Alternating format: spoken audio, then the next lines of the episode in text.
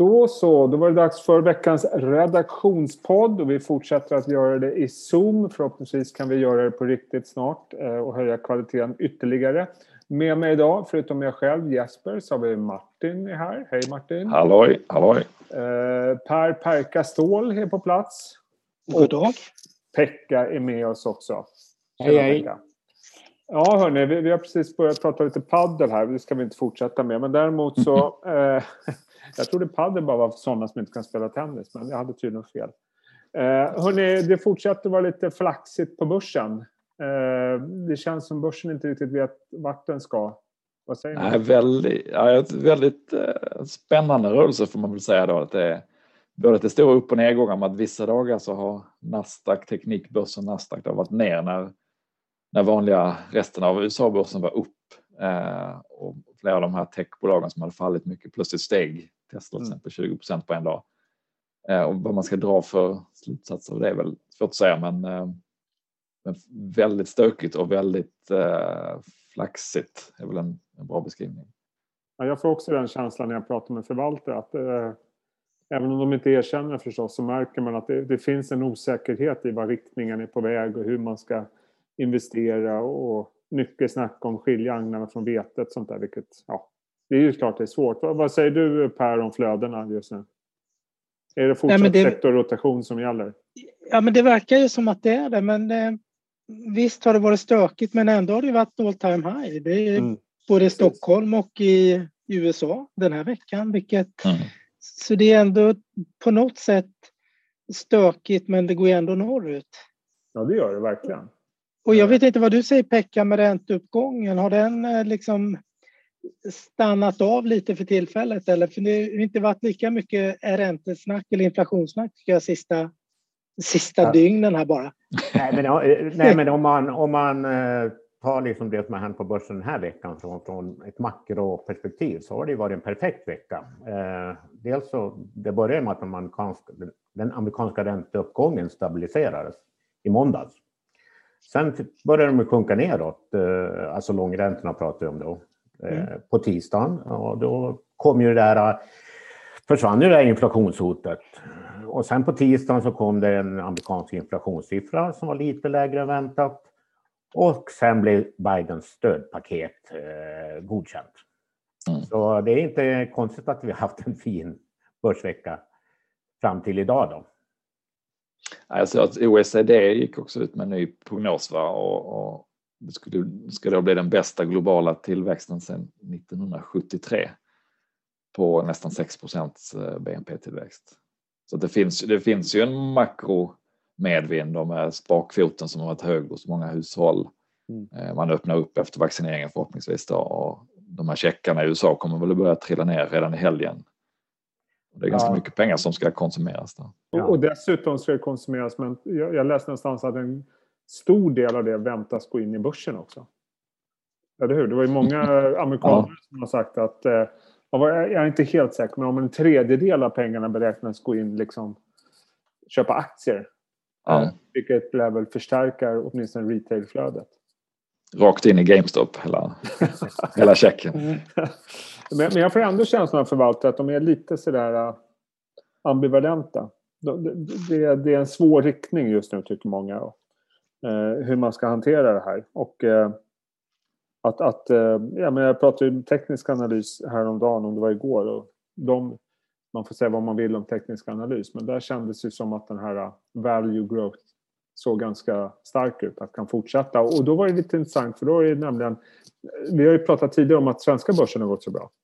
Den är ju nästan lätt i Europa. Men det är ju liksom ett, ett, ett proxy av eh, eh värde. Eftersom mm. framförallt storbolagsindex är så mycket liksom bank, skog och verkstad. Och, och, även Tyskland skulle kunna vara en sån som går bättre då om det fortsätter. Så det kan man ju ha i åtanke. Det är ett sätt att investera i om man tror att det ska fortsätta. Mm. Själv blir jag lite nervös för den snabba svenska börsuppgången. Jag menar, I år har svenska börsen upp 13 procent. Mm. Den har inte bara ryckt ifrån eh, övriga Europa som den gjort tidigare, utan nu har den även ryckt ifrån USA ja, eh, så tycker väl att eh, jag har ju i och för sig varnat förr och haft fel, men en, ett litet varningens finger. Men är inte det bara som en mm. ren konsekvens av den här sektorrotationen? Att fortsätter den så kan Sverige och Tyskland fortsätta gå bra, men om ränteoron, om ska kalla lugna ner sig, då lär väl USA ta ett nytt kliv?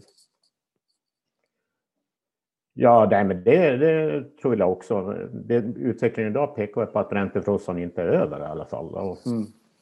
Och för att återgå till liksom den tekniska delen, det, jag tyckte det var lite lustigt att eh, sättningen på Nasdaq-börsen blev ungefär 10 procent. Det. det man kallar en sättning. Och sen, mm. vart, eh, sen utlöste det ett köpläge. Liksom. Så mm. att, mycket underligt som hände tycker jag. Mm. Ja, grund, grundtonen verkar ju fortfarande vara att man ska köpa dippen. När det har gått ner en lite grann då har det lönat sig att gå in och köpa under väldigt lång tid. Mm. Och det är väl först när, när man gör det och man verkligen får en, en smäll rakt på näsan som, som man blir lite räddare kanske. Just det. Du, apropå det, vi poddade förra veckan utan dig Martin. Eh, och eh, vi pratade mycket om, vi gjorde jämförelser med eh, IT-bubblan Eh, kanske inte så mycket att det ska krascha och sådär nu utan mer retoriken och retailflödet liknar väldigt mycket det vi såg mm. Under början av 2000-talet. Och då vet jag att det var någonting du reagerade på där, när du lyssnade på oss andra.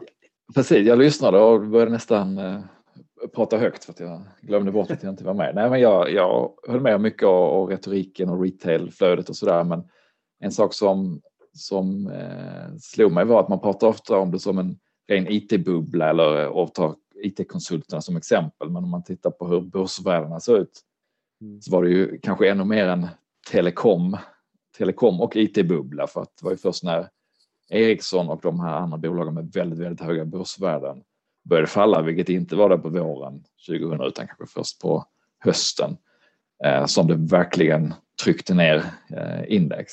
Mm. Och, och Ericsson var ju på den tiden ett tillverkande bolag på ett annat sätt med, med stor produktion i Sverige. Och, vilket utlöste faktiskt reella uppsägningar av många människor och fabriker som, som i, i sin tur ledde till att vi hade en sån lång, lång börsnedgång på, på två, tre år efter det här. Så det var, med den, det var mest den reflektionen att, att det är lätt att man pratar om Ikon och Framfab och att de hade eh, sjuka börsvärde i förhållande till sin storlek. Men tittar man på hela börsen så, så var det ju Ericsson och Telekom nedgången och att operatörerna hade betalt för mycket kanske för 3G-licenserna som, mm. som gjorde att de också pressades. Som gjorde att det sen tog otroligt lång tid innan OMX30 eh, kom tillbaka. Det var ju 14-15 år innan toppen var tillbaka. Men, men så ser inte indexet ut riktigt idag. Nu är det mer bank och verkstad, precis som vi är inne på. Som, så, så den eh, risken att vi får, får, samma scenario med ett eh, storbolagsindex som, som packar ihop 15 år framåt är nog mycket, mycket mindre idag. Ja, det känns, det, det håller jag med om. Eh, det är lite spridda skurar där ute. Och det, man ska ju komma ihåg att, jag menar, ta operatörerna till exempel. Titta på den kursutvecklingen senaste året. Det har ju inte varit någon hejdundrande bra affär där inte. Eh, vi har ju faktiskt några sektorer som, som inte har utvecklats. Nu har ju bank gått upp, vad är det, 20 procent i år tror jag. Vilket är lite intressant. Men det ju, känns ju bara som det flödesstyrt. Mm. Eh, det är inte för... ja, och så har ju bankerna varit förhindrade att dela ut mm. pengarna. Nu ser man att nu kommer direktavkastningarna och jämför man dem med nollränta så är det plötsligt ganska Ja, men, men det, är inte så, mm. det är inte så liksom att de strukturella problemen i storbanken har upphört över en natt. Nej. Eh, utan det, det, är, det, är väldigt, det är väldigt intressant och det, och det är det jag alltid har poängterat, de här flödena som är så jäkla stora och det är svårt att få grepp om. Man har liksom inte riktigt koll på vad de kan åsamka olika sektorer och enskilda aktier. Och, jag tror det är väldigt viktigt att ha det i bakhuvudet hela tiden, att de här flödena som vi inte riktigt kan rå över, vi kan inte rå över dem. Att, att eh, det kan liksom sänka och höja aktier oavsett om det finns liksom fundamenta som stärker eller sänker aktien. Eh, det tycker jag liksom är en parameter som är väldigt svår att värdesätta, men den finns där och man måste vara medveten om den. Eh, tycker mm. jag i varje fall. Jag tycker den är mm. jätteviktig. Eh, vad var det mer jag tänkte på? Eh, jo, jag tänkte på det här med... Eh, jag, såg att du, Pekka, skrev idag om Kina. Eh, och, den har ju lätt gått lite under radarn märkligt nog, den kinesiska marknaden, eh, sista tiden. För, för ett ja. år sedan var det typ det enda vi pratade om. Eller hur? Ja, tänk, tänker du tänker på börsen eller ekonomin? Ja, jag skulle säga båda, båda och. Ja.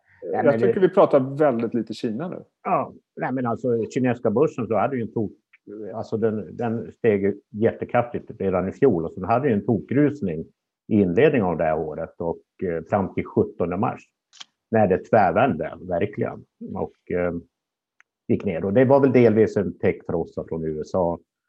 Eh, lite vinsthemtagningar kan jag tänka mig och sen har ju den kinesiska folkkongressen haft sitt årliga möte nu då. Och de var väl inte så eh, tillväxt och, eller vad ska jag säga, eh, de tryckte väl inte på så mycket som, som kanske eh, marknaden hade räknat med. Mm. Men det är väldigt mycket spridning från, från att Nasdaq har gått dåligt som spillde över på kinesiska aktier. Men ekonomin ser ut att kunna gå riktigt bra. Då. Så kan man säga att den kinesiska draken håller på att vakna till igen då? Ja, det har den gjort har... länge ekonomiskt, men jag tänker börsmässigt. Mm. Ja, men börsmässigt så, så som sagt det rusade ju redan i fjol och eh, sen ja. får vi väl se liksom, nu gick det ju, den gick från plus 20 till noll på mm. några veckor. Mm. Och nu är det liksom en revansch. Så, så ska man köpa på, på nedgången, liksom, eller på sättningen, så ska man in, på, in i Kina nu. Då. Mm. Ja. Vad säger du Per, har du några reflektioner över det vad gäller, vi pratade om flöden tidigare, om du ser någonting sånt också?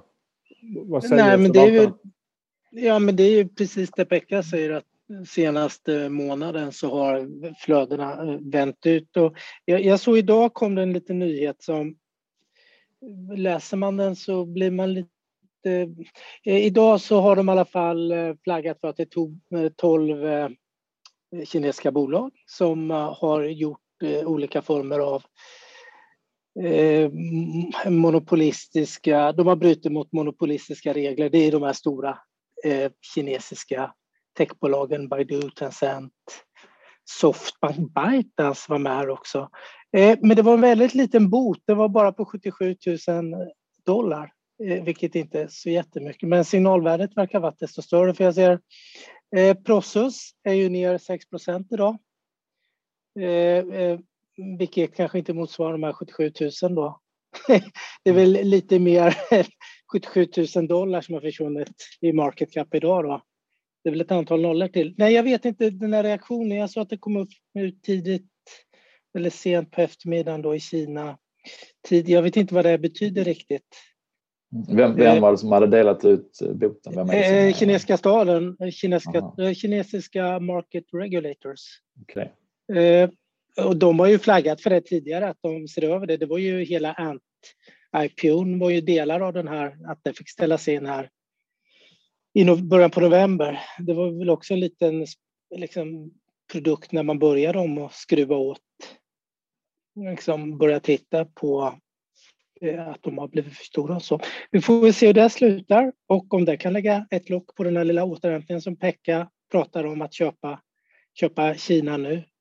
Det är klart att Kina är mycket mer än tech, men eh, det går inte att blunda för att det är en stor del och eh, vi får se hur det här slutar. Men det var väl en sån här liten ja, vi får se hur det påverkar eh, kinesisk tech. Om det kanske klarnar vad det är. För det var inte stora belopp i alla fall. Men det kanske är något annat under. Mer än beloppet som är viktigt. Jag vet inte. Men om, men om, men om bötesbeloppet kommer från kinesiska myndigheter så, så skulle väl kanske inte jag bli så orolig. Det var ganska små summor. Det, är, det är jättesmå summor men mm. det har ju uppenbarligen slagit på Eh, folk har satt sig på säljknappen uppenbarligen mm. här i Europa då efter. Mm. Ja, till, det tillkom, ja, till det tillkommer då att, att Biden eh, går ju hårt åt Kina.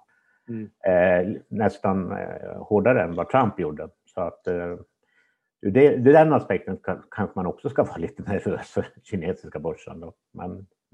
Mm. mm. men, men ekonomiskt ser, ser det mesta rätt ljust ut. Jag, jag tänkte, jag tänkte, ja, fortsätt. Ja, jag tänkte bara sista på flöden. Jag tänkte lite på dig Pekka. Jag, jag, jag satt och tittade på stora utflöden. Det är ju i princip alla det är massor med ränteprodukter. Alltså det är investment grade som du har pratat mycket om Pekka, att det är övervärderat. Globalt eh, är det ner i år.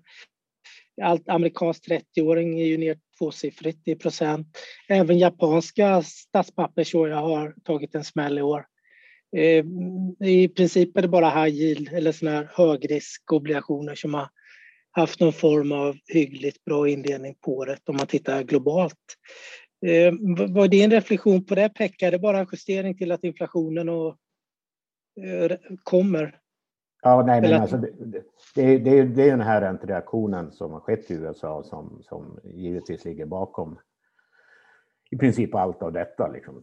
Och sen får vi se hur resan fortsätter. Nu gjorde ju amerikanska staten två emissioner nu i veckan som togs emot eh, bättre än väntat. Så då blev ju marknaden glad. Eh, men det kommer ju mycket, mycket större emissioner framöver. Och, och som sagt, diskussionen om vad inflationen egentligen ska ta vägen, den är ju fortfarande, eh, den blir ju allt hetare. Mm.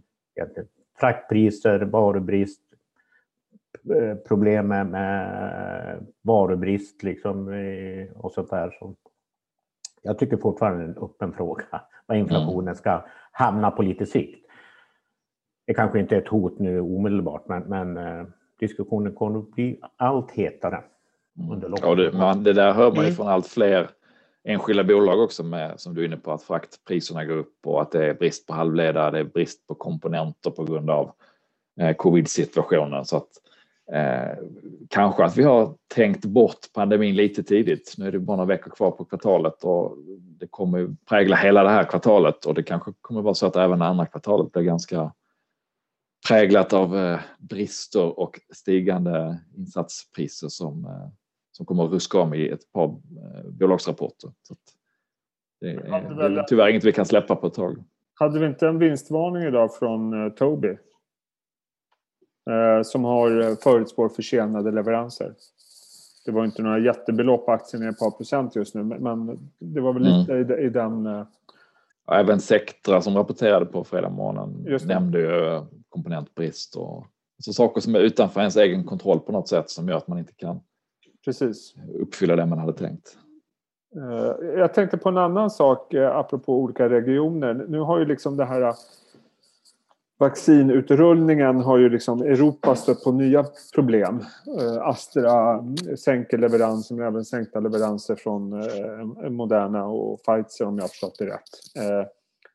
Och vi pratade tidigare om att Europa, Tyskland, Sverige skulle kunna vara vinnare på börsen om värdeaktier fortsätter vara i, i Europa. Men frågan är vad som händer nu. Liksom, om, för det känns ju som att Europa liksom är, har hopplöst svårt att hänga med i, i vaccinutrullning jämfört med till exempel UK och USA och, mm. som kanske är de närmaste regionerna.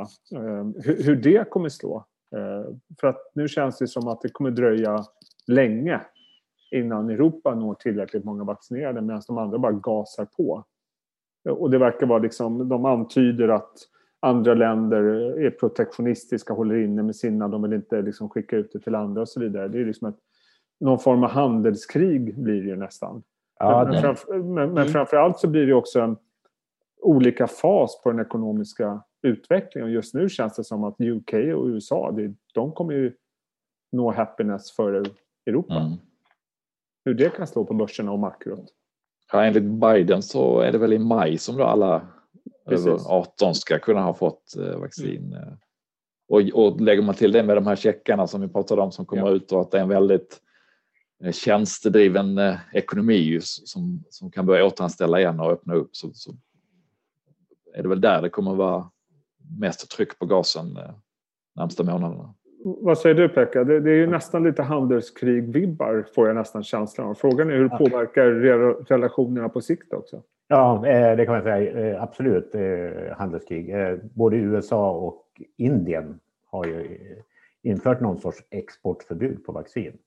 Så det är ja. det som slår väldigt hårt mot Europa. Och, så vi hamnar ju allt längre efter, efter i vaccineringen och därmed också i den ekonomiska återhämtningen.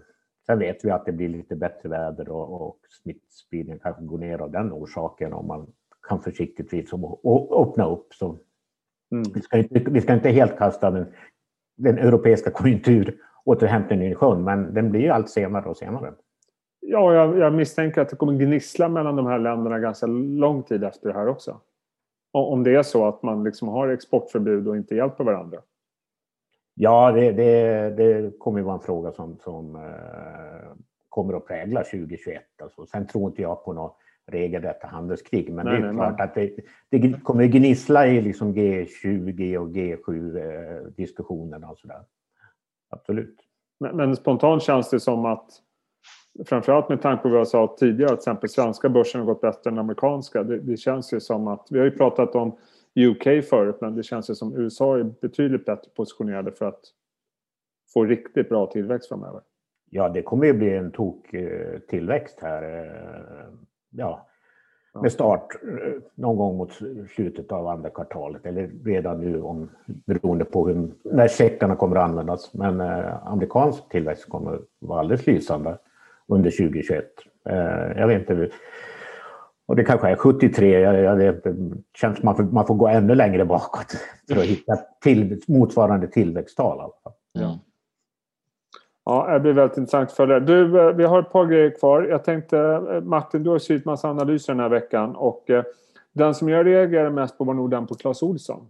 Det här gamla fina tillväxtcaset som inte längre är tillväxtcase, eller vad sa du? Nej, precis. Apropå tillväxt och värde så ja. Det var ju ett, ett case med snabba butiksöppningar och, eh, och, och, tillväxt i den aspekten som på något sätt i flera år egentligen har ju varit eh, på utdöende eftersom man inte öppnar nya butiker och man drog sig i princip ur Tyskland och UK eh, och har haft problem och ställt om och hittat nya sätt att leverera till till e-handelskunder genom till exempel Mathem i Sverige och Kolonial i, i Norge. Men de kom med en rapport i veckan och som fick ett väldigt bra mottagande. Med all rätta tycker jag därför att dels var resultatet bättre än väntat och, och dels så tycker jag det att, eh, att man kan se fram emot ganska höga utdelningar i flera år. De delar ut nästan hela vinsten men samtidigt speglar inte hela bilden eftersom de har ett väldigt starkt kassaflöde och det kommer ju vara fortsatt starkt eftersom man inte gör någon butiksexpansion längre i princip alls. Mm. Så att de här 6 eh, och 25 är det väl som de, som de förväntas dela ut närmsta åren tror jag absolut att de kan göra och då har man en direktavkastning på 7 procent. Mm. Eh, vilket är, är otroligt bra i det här marknadsläget. Sen ska man alltid vara försiktig när det gäller att liksom ta ut hög direktavkastning. Det brukar finnas en anledning till att mm. bolag har hög direktavkastning, nämligen att investerarna vill inte betala mer på aktien för att man är osäker och, det är ju det är en oälskad sektor att ha. De har nästan 90 procent av försäljningen i fysiska butiker. Det, det, är inte, det är inte där de flesta investerarna vill vara just nu. Men, eh, och, och, det ser man ju på kursutvecklingen också. Nu har det gått bra sista tiden här men tittar man på en längre graf på tre och fem år mm. då är det ju riktigt uselt. Mm. Ja, den gick ju upp 8-9 procent på rapporten, men det är ju verkligen från en bottennivå. De, Precis. de har ju legat betydligt mycket högre och eh, öppnar vi upp så ska de förhoppningsvis få tillbaka lite mer trafik i, i butikerna samtidigt som de... Det, det viktiga är att de hittar rätt balans mellan butiker och e-handel ja. eh, och håller kunderna nöjda oavsett var man vill handla. För att, att det kommer finnas en efterfrågan på den bredden av eh, produkter som de har, det, det är jag ganska säker på. Sen är frågan om det är Amazon, eh, Clas Ohlson eller någon annan som kommer att ta den stora biten. Men, men, men förväntningarna är inte så höga längre. Det är ett P-tal på 12 efter den här uppgången. P-tal på 12, direktavkastning på 7 procent. Eh, för all del med stora risker för hur marknaden kommer att se ut på, på några års sikt. Men, men eh, där tror jag det finns mer att hämta. Och eh, avslutningsvis, hörni, har ni gjort någonting i, i era portföljer sista tiden? Jag har inte gjort någonting. Jag tror fortfarande på att vara mycket exponerad mot hälsovård. Jag tror det kommer bli en bra sektor de kommande åren. Jag är ju långsiktig. Eh, jag tror ju mer jag hör så kommer det investeras mycket där de kommande åren. Per, du som är kanske den mest tradingintensiva i gruppen. Har du gjort någonting? Jag, ja, men jag är på ditt tema. Jag har köpt e-hälsa har jag snöat in på nu. Jaha. Vad har du köpt? Eh, jag, jag har köpt ett norskt bolag som heter Carasent. Mjukvarubolag. Ja. In, inom e-hälsa. Och sen har jag faktiskt köpt VNV eh, Global. Mm. Per Brilliot Jätteintressant. Ja, men de har ju det här stora Babylon Health. Just det. De har ett par grejer också, på, på börsen, va? Babylon ja. och eh, vad är det, Hemnet också? Va? Har inte de det? Eller har varit där i alla fall? Eller? Tänker jag fel nu? Ja, jag vet inte. Jag men har Babylon mest fokuserat, jag har mest fokuserat på e-hälsan där. Och Babylon är ju en stor del av den och vill driva. Och, eh, eh så det har jag snöat in lite på. Det är väl de eh, köpen jag har gjort. Intressant. Eh, BMW är ju faktiskt jättespännande tycker jag. Eh, ja, jag har gjort... Min gamla skolkompis. Mm. Ja, jag har gjort ett köp och många mikroförsäljningar kan man säga. Mikroförsäljningar? Ja, nej, jag, det är eh, när osthyveln åker fram och man, man, har, man har 100% aktier och tänker att det ska vara bra att ha en kassa för att det kommer nog att, att kunna ah. komma tillfälle att sätta den i arbete. Så då har jag hyvlat av lite på Boomer-portföljen. Och, Boomer-portföljen. och skaffat lite kassa och samtidigt har jag köpt eh, med reservation för uttalet Nvidia. Ja, just det. Graf, Nvidia?